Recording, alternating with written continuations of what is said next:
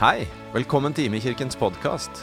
Vi vil gjøre verdifulle mennesker til bevisste etterfølgere av Jesus Kristus. Og vi håper at denne podkasten inspirerer deg til å gå med Gud i din hverdag. Her er dagens tale. Da skal vi gå inn på det som er fokuset vårt i kveld og i høst. Vi har kalt eh, fokuset vårt i menigheten denne høsten for Jesusmøter.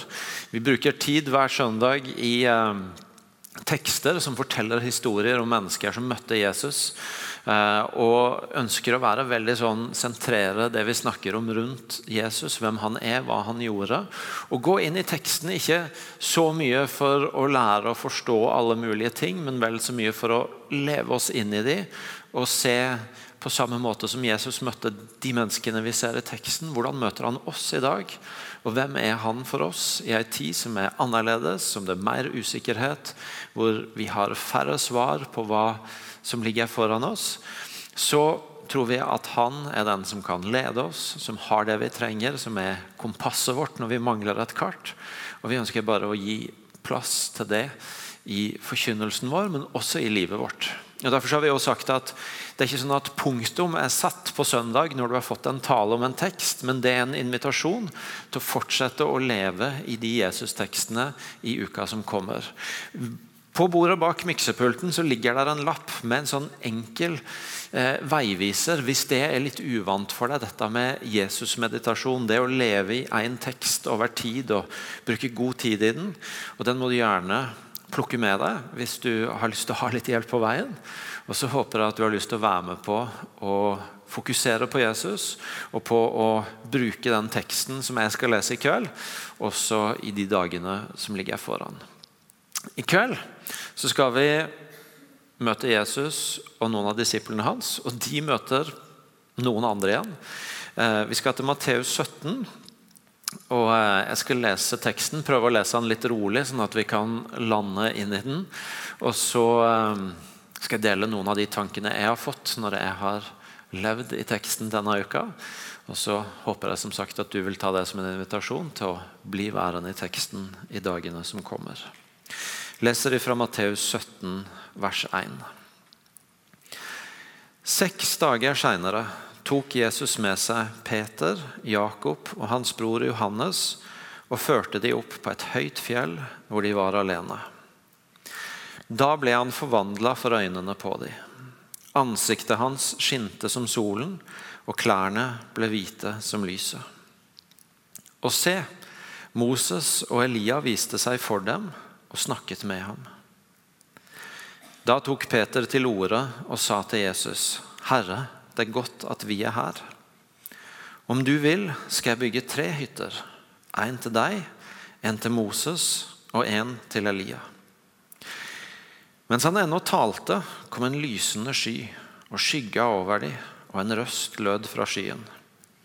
Dette er min sønn, den elskede. I han har jeg min glede. Hør ham.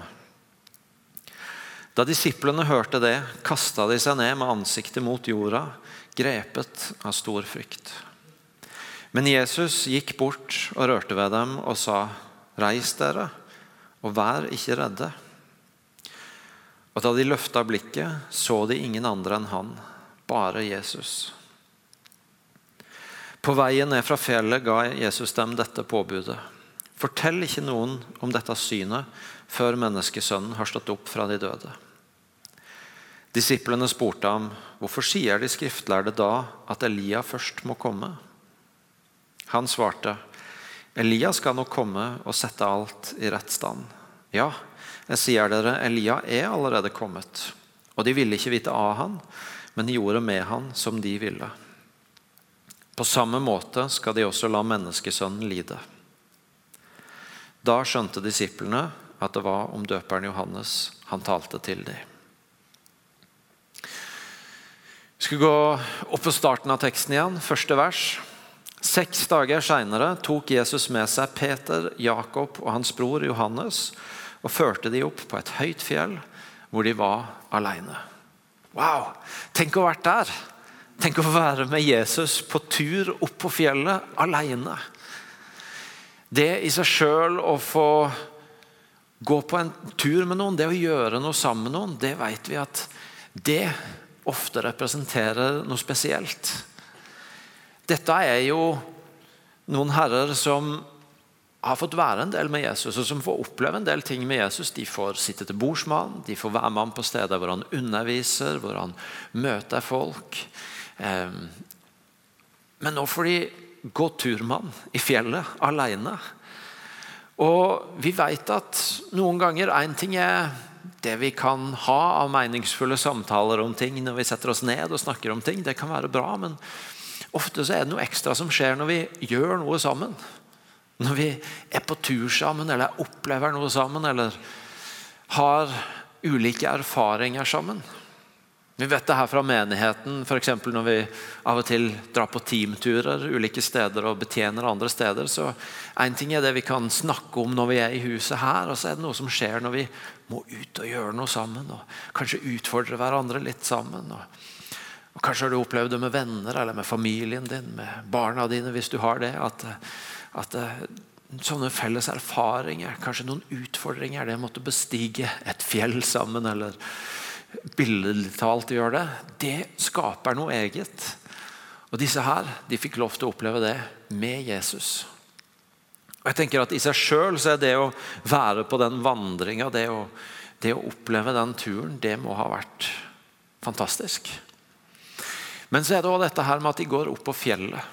Og Vi vet at i Bibelen så representerer fjellet ofte et, et sånn ekstra møte med Gud. Et sted for å møte Gud, et sted hvor det gjerne skjer noe som, som sprenger rammene litt. Moses han gikk opp på fjellet og snakka med Gud. Elia var på fjellet og møtte Gud.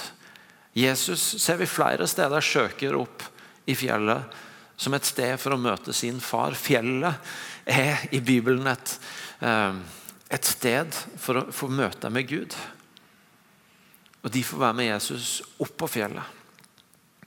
Og jeg tenker Vi er ei kirke som er veldig opptatt av å leve med Jesus i hverdagen. Og det er bra, det tror vi på. Og Vi tror at vi lever etter Jesu døde oppstandelse og etter pinsedag. og Det betyr at vi har mulighet til å koble på Jesus til enhver tid i hverdagen vår. Vi kan koble på Jesus i dusjen, i bilen, på vei til jobb, i lunsjpausen, like før du legger deg til å sove, med en gang du våkner opp igjen. Og Det er så verdifullt, og det er så viktig for oss. Og så har vi samtidig sett at det å noen ganger få være med opp på fjellet, det har også en helt unik verdi. Det å noen ganger få være med på de fjelltoppopplevelsene som er litt utafor hverdagen, litt utafor det normale, som kanskje sprenger noen rammer, som, som rydder plass for en litt annen reise, det har også en helt egen verdi. For oss som menighet så er det veldig mye av bakteppet for at vi tre ganger i året rydder plass til det vi har kalt åpen himmel-konferanser. Hvor, hvor vi har tid, ekstra tid til å tilbe Ekstra tid til å være i Guds nærvær, ekstra tid til å be for hverandre. Men også vi har litt tid over noen dager som gjør at vi kan være på en reise sammen. Gjøre flere erfaringer sammen. Og så har historie etter historie kommet om at sånne fjelltopperfaringer har blitt definerende for valg folk har tatt, for retning livet har tatt. Det har, det har starta noe nytt i folks liv. Og Vi tror på hverdagen, og vi spiller ikke fjelltoppen og hverdagen ut mot hverandre, men vi ser at fjelltoppopplevelsene veldig ofte gir liv og retning til det hverdagslivet med Jesus. Ja, det er derfor vi, Hvis ikke det hadde vært covid-19 og tiltak, så hender det noen ganger at vi reiser langt òg, fordi vi har lyst til å få tak i de fjelltoppopplevelsene. Hadde det ikke vært eh, sånne tiltak som det er, så har vi ofte på rundt denne tida, om noen uker, invitert til festreise til, til Battle Church i USA. Og Det har vært sånne fjelltoppturer, og så mange mennesker forteller om at det å reise sammen med en sult, om du vil For, for denne vandringa opp til fjellet den representerer jo en form for sult. ikke sant? Du er villig til å gå et stykke. Du er villig til å være med på noe fordi du har lyst til å få tak i det som er på fjelltoppen. Og så har det blitt møtepunkter. Tirsdagskveldene bønn og lovsang her i huset rydda plass til lovsang, til å høre det Gud gjør. Sånn midt i uka et rom for å kanskje ha en fjelltoppopplevelse. Noen av oss vi har en i rytma vår og noen ganger i året reiser helt alene. et eller annet sted, til fjells eller til, til, til havet, eller hvor det måtte være, men å få være helt alene og gå den vandringa med Jesus hvor en har tid til å gå med han, til å oppleve noe med han, og til å få en sånn fjelltopperfaring som gir retning for de ukene og månedene som ligger foran. Å få gå med Jesus til toppen av fjellet og få oppleve, få møte Gud på en måte som sprenger noen rammer som er utafor det hverdagen gir, og som gir retning for et hverdagsliv med Jesus. Jeg tror det er så viktig for oss. Livet går i sesonger, og noen sesonger så kan det føles som at en går fra fjelltopp til fjelltopp til fjelltopp, og i andre sesonger så, så kan det føles som det er langt mellom fjelltoppene, og at veldig mye i livet handler om å forvalte den hverdagen en har, trofast. Men jeg tror vi alle trenger å bli med Jesus opp på fjellet noen ganger. Og få ha de der opplevelsene. Og nå er det ei tid hvor mange ting er litt annerledes. Hvor det er en del ting som vi er vant til å kunne gjøre, som vi ikke kan gjøre. Hvor kanskje noen av de arenaene for å gå til fjellet ikke er like tilgjengelig som de bruker å være. Eller som vi er vant til at de er. Og Det har i hvert fall jeg tenkt når jeg har levd i denne teksten denne uka. at Kanskje det er tid for å tenke litt etter på hvor er fjelltoppene mine nå? Trenger jeg å legge til rette for å få gå sammen med Jesus opp på fjellet snart? Står jeg i fare for å ha sånn nok med å navigere i de tinga som er litt annerledes og kanskje av og til koster litt mer, at jeg, at jeg gir rom for fjelltoppen? Men egentlig akkurat nå så trenger jeg han. Jeg har bare lyst til å legge spørsmålet på bordet for dere òg. Trenger du å gå en tur med Jesus opp på fjellet? Trenger du å gi rom for en litt annerledes tur og opplevelse med han? i akkurat den tida vi er i nå. Så opplever de jo noe ganske spesielt når de kommer opp på fjellet. Da Der står da blei han forvandla for øynene på dem. Ansiktet hans skinte som sola, og klærne blei hvite som lyset. Han blei forvandla for øynene på dem. Ansiktet skinte som sola, klærne blei hvite som lyset. Tenk å få se Jesu ansikt. Å få se det skinne og få være på et sted hvor en har rom til bare se ansiktet hans. Til å, om du vil, hvile øynene i dette ansiktet som skinner eh, som sola. Og til å være i det. Jeg tenker at i seg sjøl så er jo det en enorm verdi. Og Vi trenger egentlig ikke noe mer grunn for å gjøre det enn at det i seg sjøl å få lov til å se inn i Jesu ansikt, få, få tak i enda mer av hvem er han, hvordan ser han ut, hva, hva, er det han gir, hva er det som stråler ut av han, det, det i seg sjøl er jo verdifullt nok. Men så vet vi òg at i det møtet, når vi ser inn i Jesu ansikt, så, så skjer det jo noe med oss òg. Det som skinner fra hans ansikt, det skinner tilbake på oss, og det gjør noe med oss. Paulus han skriver om det i 2. Korinterbrev 3,18. At vi som uten slør for ansiktet ser Herrens herlighet som i et speil, vi blir alle forvandla til dette bildet. Fra herlighet til herlighet. Og dette skjer ved Herrens ånd.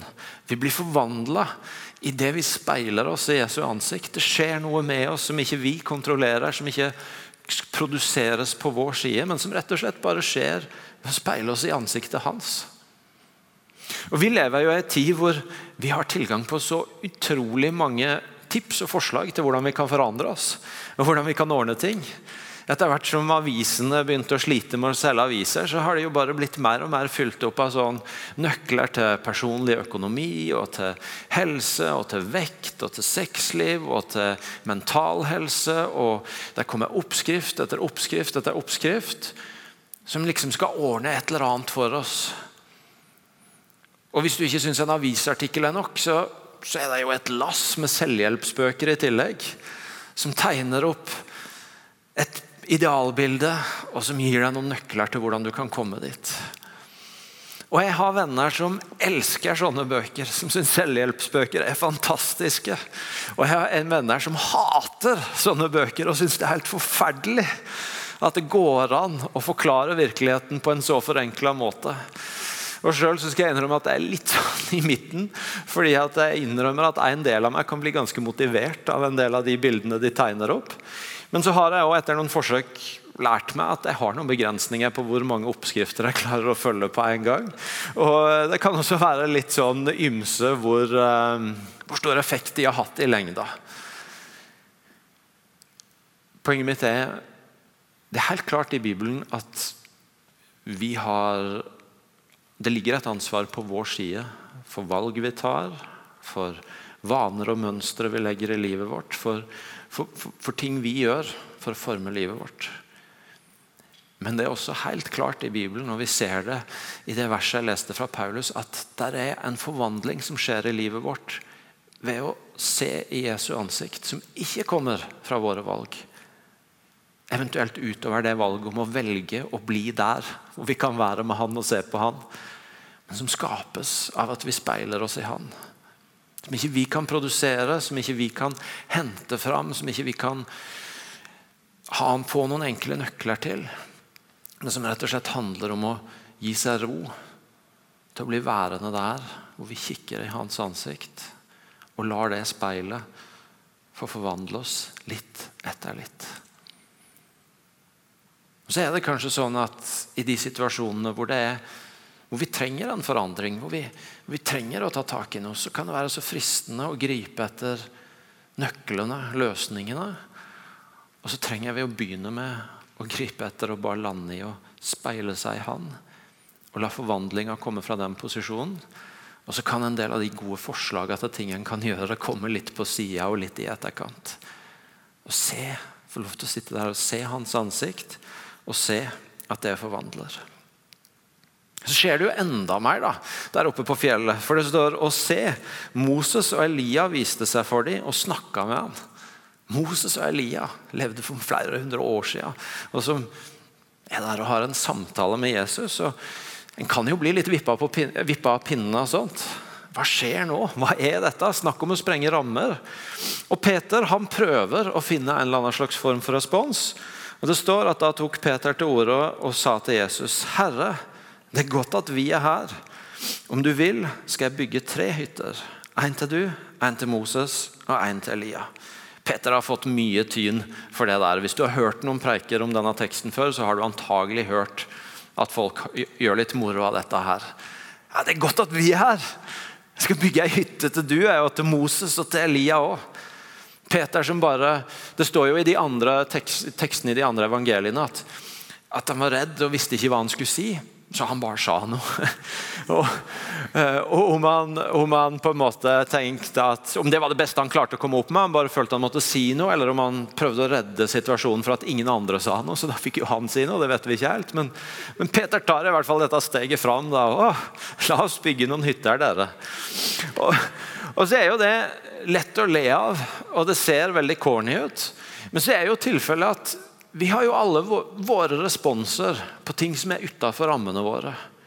Jeg tror vi alle gjør våre erfaringer av at når vi opplever ting som er uventa, som tar oss ut av komfortsonen, som, som, som, sprenger rammer eller som gjør det utrygt rundt oss, så, så, kommer det opp ting i oss som gjerne får oss til å respondere på måter som Oi, hvor kom det fra? Og bare som et eksempel jeg, var, jeg, jeg studerer litt sånn på deltid dette året. og eh, Første sånn samling jeg var på, så hadde vi en del forskjellige gruppeøvelser vi skulle gjøre. og En av de det var eh, et sånn hvor vi ble plassert i et sånn vi, vi, hadde en direktør forrest, og så hadde vi noen mellomledere bak, og så hadde vi noen arbeidere bak der. Og så fikk alle utdelt et ark med en beskrivelse av en oppgave. Alle fikk fire kort, og så fikk vi ikke lov til å snakke med hverandre. Vi kunne bare skrive lapper med meldinger til hverandre. Så viste det seg at det var bare direktøren som fikk vite hva som var poenget med oppgaven. Nemlig at alle skulle få fire like kort. Vi andre fikk annen informasjon, men ikke den. Utrolig fascinerende å studere hva som skjedde, særlig med de som satt bakerst. Når et eller annet skulle skje, men de visste ikke helt hva som var poenget. Noen de begynte jo bare å sende kort fram og tilbake helt frenetisk, for noe må vi jo gjøre. Et eller annet må jo skje her. Så det gikk kort fram og tilbake uten mål og mening. Jeg ikke noe sånn, men får i hvert fall få noe til å skje. Og en sendte lapp fram til meg. 'Jeg har kaffe.' Ok, fint. Er det bra, eller ville du hatt noe annet? Mens andre de bare lente seg helt tilbake. og Nei, jeg skjønner ingenting av dette. Så noen andre får finne ut av det. Jeg, jeg melder meg ut. Poenget mitt er vi responderer forskjellig på situasjoner vi ikke har helt kontroll på.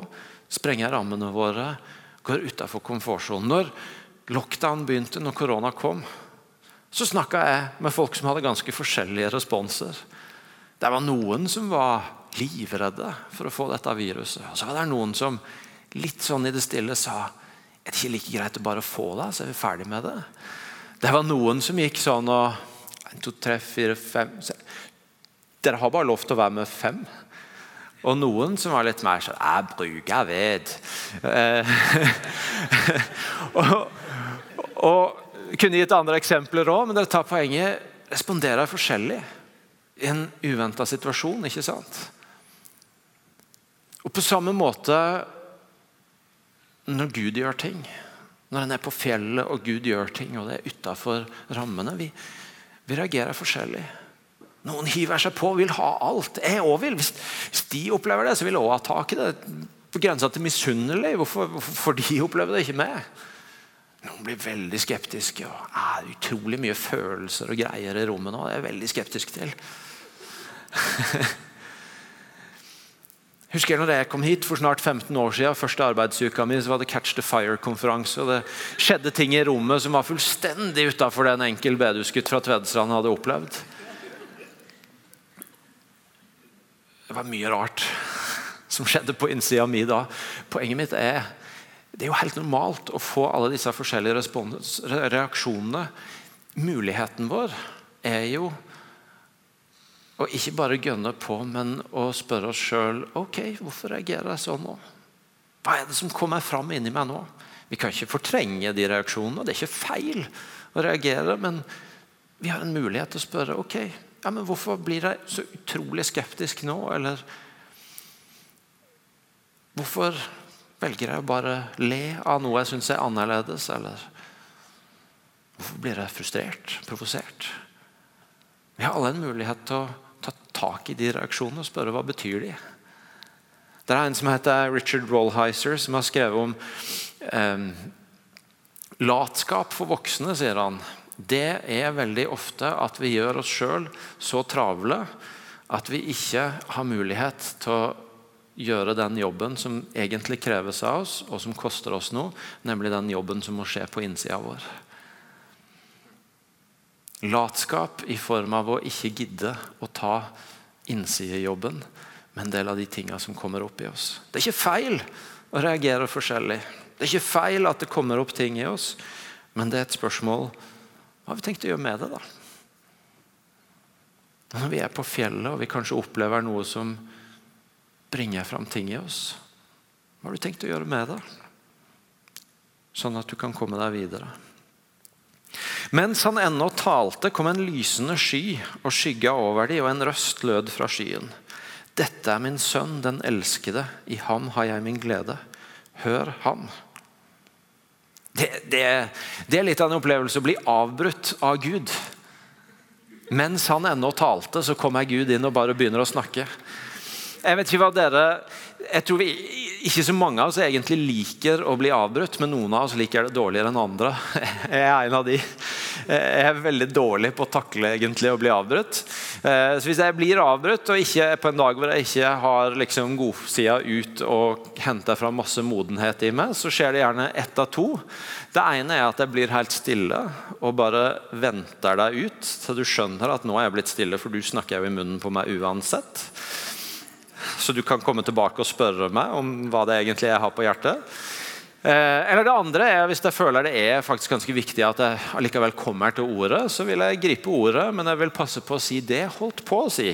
Det var at eh, og eh, Jeg kunne gitt dere mange uh, fine historier og eksempler fra mitt hjem på dette, men det skal jeg spare dere for. Men Hildegunn kommer veldig godt ut av mange av de historiene. for å si det sånn. Uh, men her blir Peter avbrutt av Gud sjøl.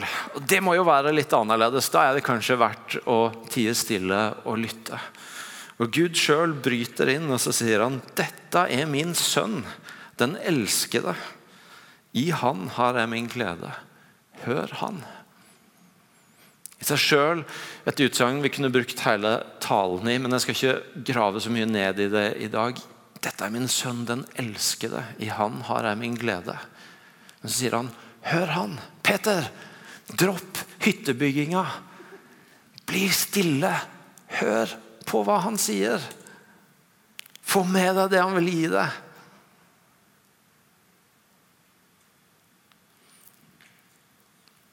Og så står det at da disiplene hørte det, så kasta de seg ned med ansiktet mot jorda, grepet av stor frykt. Når de skjønner at her står vi med Guds sønn sjøl, vi står på hellig grunn. Det er Guds egen stemme som bryter inn og stopper Peter. Wow! Da faller de til jorda og kjenner på tyngden av det de får oppleve. Det er faktisk ikke så farlig om vi av og til får noen sånne opplevelser av at Gud er så hellig at det eneste jeg kan gjøre, det er egentlig å falle på kne og bøye meg for Han. Det er en ganske naturlig respons for et menneske som meg og du, som alle kommer til kort. Bjørn Eidsvåg sang det for mange mange år siden at det du trodde var ingenmannsland, er allemannsland. I det å komme til kort kjenner alle seg igjen. I møte med den hellige Gud så er det en naturlig respons å falle på kne og kjenne på at oh, nå er jeg på hellig grunn. Og Så står det at Jesus gikk bort til dem, rørte ved dem og sa, 'Reis dere, vær ikke redde.' Dette er en så viktig bevegelse å få tak i en naturlig respons for oss i møte med en hellig Gud, det er å falle på kne, det er å bøye oss, det er å ydmyke oss. Jesus sin respons på at vi bøyer oss og ydmyker oss, det er å komme bort til oss og si 'reis deg opp igjen'. Og Det som er ganske farlig, det er hvis vi blir så redd for at folk skal kjenne på den tyngden av at han er hellig, han er mektig. Han egentlig et møte med han egentlig fordrer at vi bøyer oss og faller på kne. Hvis vi blir så redd for det at vi tar det litt ifra folk Nei, nei, trenger ikke å bøye deg helt ned. Han, han er jo så god. Så kan vi også stå i fare for å røve folk for den erfaringa det er at når Jesus kommer bort, så dunker han aldri folk lenger ned. Men han ber de alltid om å reise seg opp igjen. Og Det er en stor forskjell på å høre meg si at du må reise deg, og på å høre Jesus si 'reis deg'. Når Jesus har sagt det, da har du virkelig noe å frimodig reise deg opp og gå videre med. Og De møtene de må vi la folk få ha. Vi må la folk få noen, og oss sjøl få kjenne at noen ganger er det tid for å falle på kne, bøye seg for Gud for da kan en også få erfaring av at han kommer bort og sier 'reis deg opp igjen'. Og Da de løfta blikket, så de ingen andre enn han, bare Jesus. Fjelltopperfaringene de går over. På samme måte som Vi har ikke snakka så mye om det i dag, men noen ganger så går vi ikke på fjellet, men vi går i dalen. Og Selv om det ikke alltid føles sånn i dalen, så går de turene i dalen òg som oftest over. Men det som skal være målet vårt at står igjen, det er bare Jesus. At når vi løfter blikket, så er det han vi ser. Og han er nok til retning og til det vi trenger for å gå videre i vandringa. Han har svara vi trenger, han har retninga vi trenger, han har trøsten vi trenger. Han har det vi trenger for å fortsette vandringa, enten vi har vært på fjellet og kommet ned igjen, eller vi har vært i dalen og kommet opp igjen. Og Derfor så er, syns jeg det er så nydelig når det står da de løfta blikket, så de ingen andre enn han. Bare Jesus. Jeg har noen ganger vært på tur med Martin. Um, og han blir noen ganger sånn Ok, hva er visjonen? Hva er drømmen? Og de vil ha noen store tanker ut av han. Og så har jeg flere ganger hørt han si nei, visjonen det er Jesus, det. Trenger ikke en større visjon enn Jesus. Trenger ikke noe mer spennende enn Jesus. Men egentlig så trenger vi å bli dratt til at mange av de andre greiene som foregår rundt, de kan komme og gå litt. Men Jesus står igjen. Han er visjonen vår. Han er den vi ser på. Han er den vi følger. Han er den som har alt det vi trenger for å fortsette vandringa i livet vårt. Skal vi reise oss opp og be?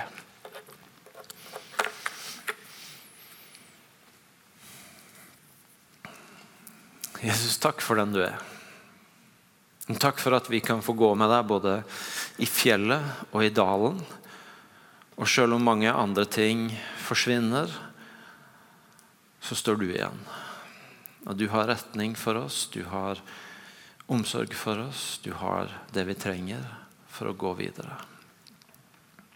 Jeg ber deg for hver og en her inne om at de som kjenner at det er tid for en tur opp på fjellet, skal få ta imot den invitasjonen og få finne en plass i livet til å gå, gå den veien opp til fjelltoppen med du.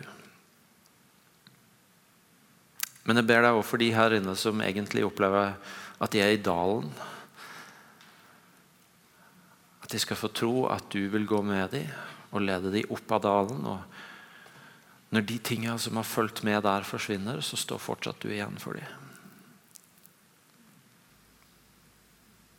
Så ber jeg deg om, for oss som menighet om at vi aldri må bli ferdige med eller oppleve at vi trenger noe større eller mer spennende enn å ha du og ditt ansikt som den grunnleggende visjonen vår. Det vi ser mot, og der hvor vi søker det vi trenger for retning og for liv. Amen.